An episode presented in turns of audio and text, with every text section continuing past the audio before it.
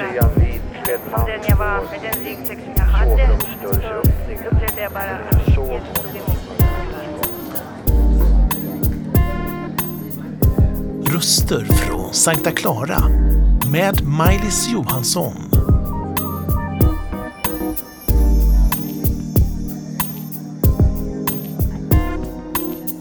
Välkommen till Sankta Clara kyrka. Anita Tantari heter du som jag ska intervjua. Vi sitter precis här uppe på podiet och vi har människor som kommer in och ut i den här kyrkan. Och det är alltid härligt. Men idag är det bara Anita som ska tala och berätta om sitt liv för oss. Anita, hur många år har du varit i Sankta Clara kyrka? Jag kom hit 2004. Vad började du med när du kom hit? Eh, jag började nog med att eh, besöka de här eh, eftermiddagsbönerna men det allra, allra första jag gjorde det var att jag började gå på helgmålsbönen, konserten på lördag kväll. Jag var nämligen missbrukare och kom in under vård och det var juletid och en annan finlandssvenska och jag vi började gå till kyrkan och lyssna på julmusik för att få nya intryck, nya goda intryck. Och julen kom och gick och flickan kom och gick. Men jag fortsatte att gå på de här lördagskonserterna och hittade till Klara kyrka. Ja, det var ju fantastiskt. Det är många som säger just det, att då hittade jag till Klara kyrka. Vad var det som, så att säga, gjorde att du bara fortsatt? Vad är det med Sankta Klara kyrka som gör att människor dras hit? Eh, jag vet inte, Gud kallar nog i mitt hjärta. Eh, och eh, till slut så, så, så, så kom jag till en mässa, en högmässa och jag blev så förvånad för att det var inte det här mörka lördagskvällsstämningen med orgelmusik utan det var en ljus kyrka med mycket folk och lovsång. Oh, vad härligt lovsång! Och du var alltså inte frälst vid det här laget? Eh, Jag tror att Jesus alltid har varit med mig. Ja, han har det. Ja. Och då känner du igen tonen från himlen också? Alltså vad som hände, det var en syndabekännelse. Och jag visste inte vad jag bekände, men jag vet att jag blev accepterad med- som den jag var, med den ryggsäck som jag hade. Så upplevde jag bara att Jesus tog emot mig som jag är. Ja. Och det är det som är din äkthet, att när, när du är bara Anita när du går runt här. Det du gör idag, du sitter i diakoniexpeditionen på Klara, man går till höger precis. Där har du suttit med din bibel och där kommer de tilltussade får du väl säga. Berätta för mig ett samtal som du kan ha ibland med de tilltussade. Vad är det vanligaste de frågar om när de kommer in i rummet? Det lustiga är att jag kanske blir väldigt stark i tron för att många som kommer har med sig en tro.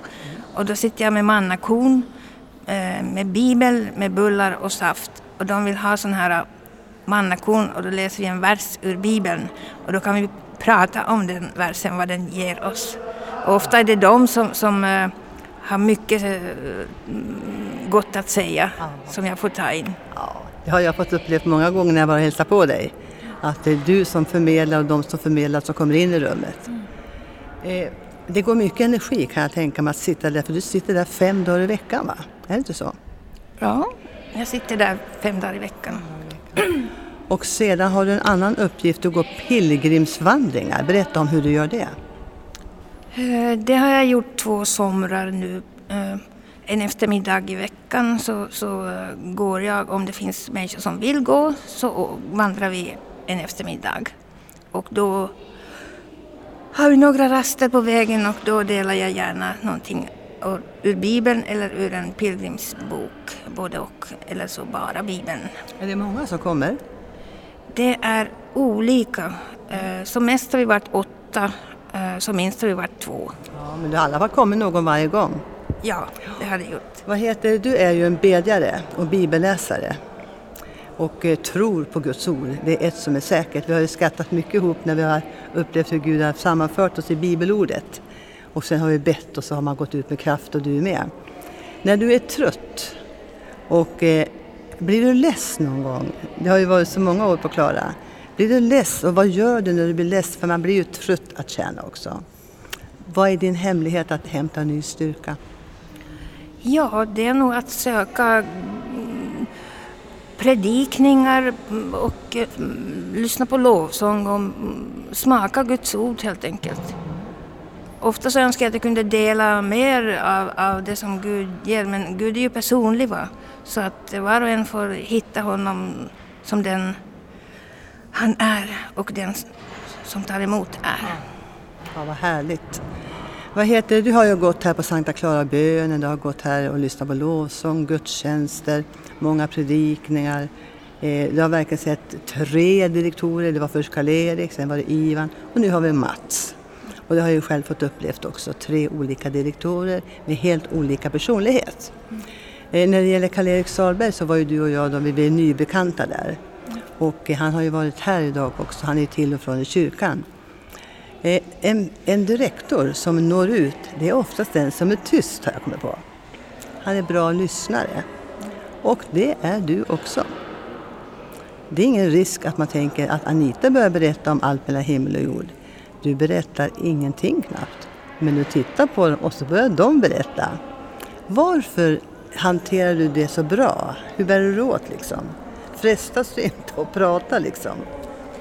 Nej, alltså jag, jag vet att jag, när jag var missbrukare, hemlös under långa perioder så, så var jag så trött och så slut. Och jag vet att när jag var eh, frälst eller eh, löst här i kyrkan så, så, visste jag inte ens vad det var som jag blev löst ifrån. Utan det var bara att jag blev accepterad som den jag är. Och jag tror att det ger en, en eh, eh jag ska säga, jag ska säga alltså, Gud är god och, och han älskar alla människor och han... Människor vet ofta inte, utan de får liksom vara den de är ja. och uh, säga det som för stunden då är ja. för dem. Ja. Det märkliga, det, det var ju det jag märkte med dig, att uh, du är Anita och ingen annan. Med andra ord, vågar du vara Anita? Och du ger ut det du ska ge ut, du ber, du läser Bibeln, allt det här. Och du har ett före detta missbruk. Om jag ska säga så här, du fick tag på din mammas väska med tabletter i. Och tänkte du det verkar spännande, det stoppar jag i munnen. Berätta hur missbruket sedan eskalerade. Berätta kort bara om det. Jo, alltså jag var ju eh, medvetslös när jag var liten då. Och sen när jag kanske, jag är ju allergiker idag och astmatiker och eh, jag var åksjuk när jag var liten så då fick jag tabletter för det och jag vande mig vid att eh, somna ifrån och, och tycka om att uh, fly in, i, in i, i, i sömnen. Och det är nog det som har präglat då resten av mitt liv. Även om jag haft alla, allt gott så, så ändå har det här äh, dragit. Äh, och äh, man ska inte lita till sitt eget förstånd, säger Paulus, och definitivt inte att jag hade något förstånd på den tiden. Nej. Men det är fantastiskt att se dig här nu alltså. Mörker brukar vi tala om, och ljus. Jesus säger jag är världens ljus. Och du har ju Guds ljus i dig. När du träffar människorna där ute i ditt rum, där du tar emot de tilltufsade, så kan man väl säga att det är ett mörker, ensamhet, som jag ser det när jag besöker rummet. Vad är det vanligaste de frågar dig om?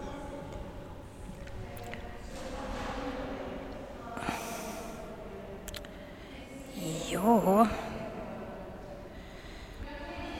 Jag vet inte om de frågar så, så mycket. Vanligast är att de frågar om de får ta saft och bulle och om, om vi kan ta ett bibelord. Ja. Det är de vanligaste frågorna. Men det är inte dåligt den frågan inte. Nej. och det underbart gulliga rummet, det är en härlig atmosfär.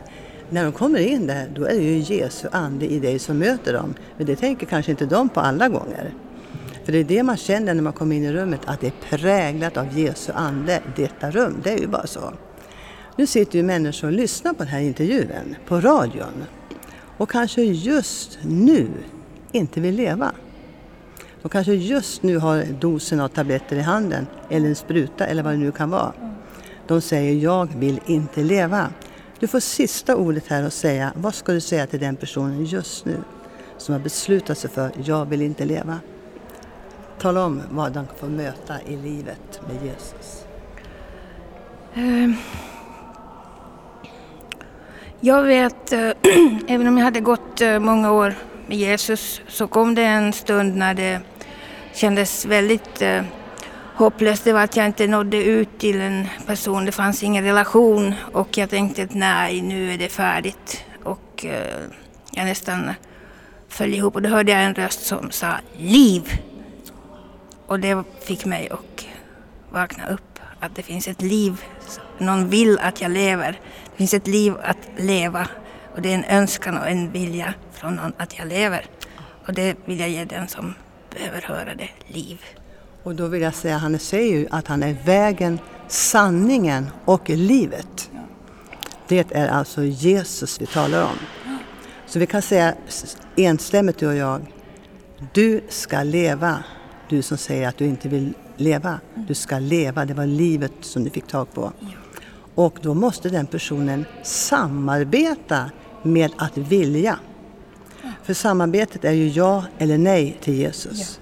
Och du sa ja till Jesus. Då kunde han samarbeta med också. Hade du sagt nej, då hade han lämnat dig för det är du som väl, valde. Mm. Vad vill du då säga om att han väljer, eller hon nu, vad vill du säga om det, att välja? Det är Guds ord. Guds ord väcker tro. Tro på ordet som du hör. Tro. För det, det, det ordet, det, det, är inte din kärlek och det är inte min kärlek utan det är kärleken själv som når dig i den situationen. Och kärlek behöver vi ju alla få.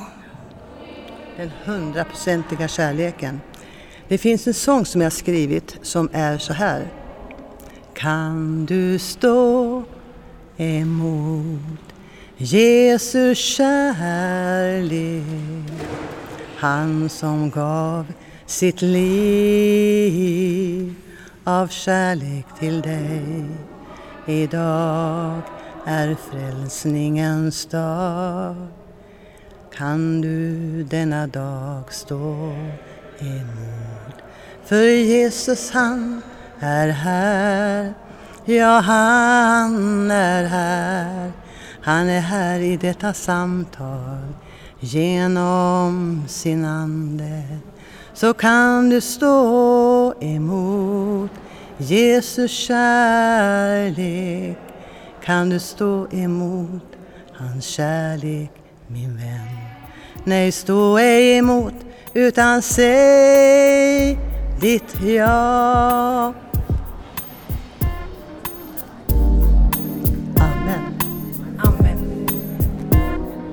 Har denna berättelse berört dig på något sätt? Eller kanske vill du att vi ber för dig? Kontakta oss på info snabel-sverigeskristnaradio.se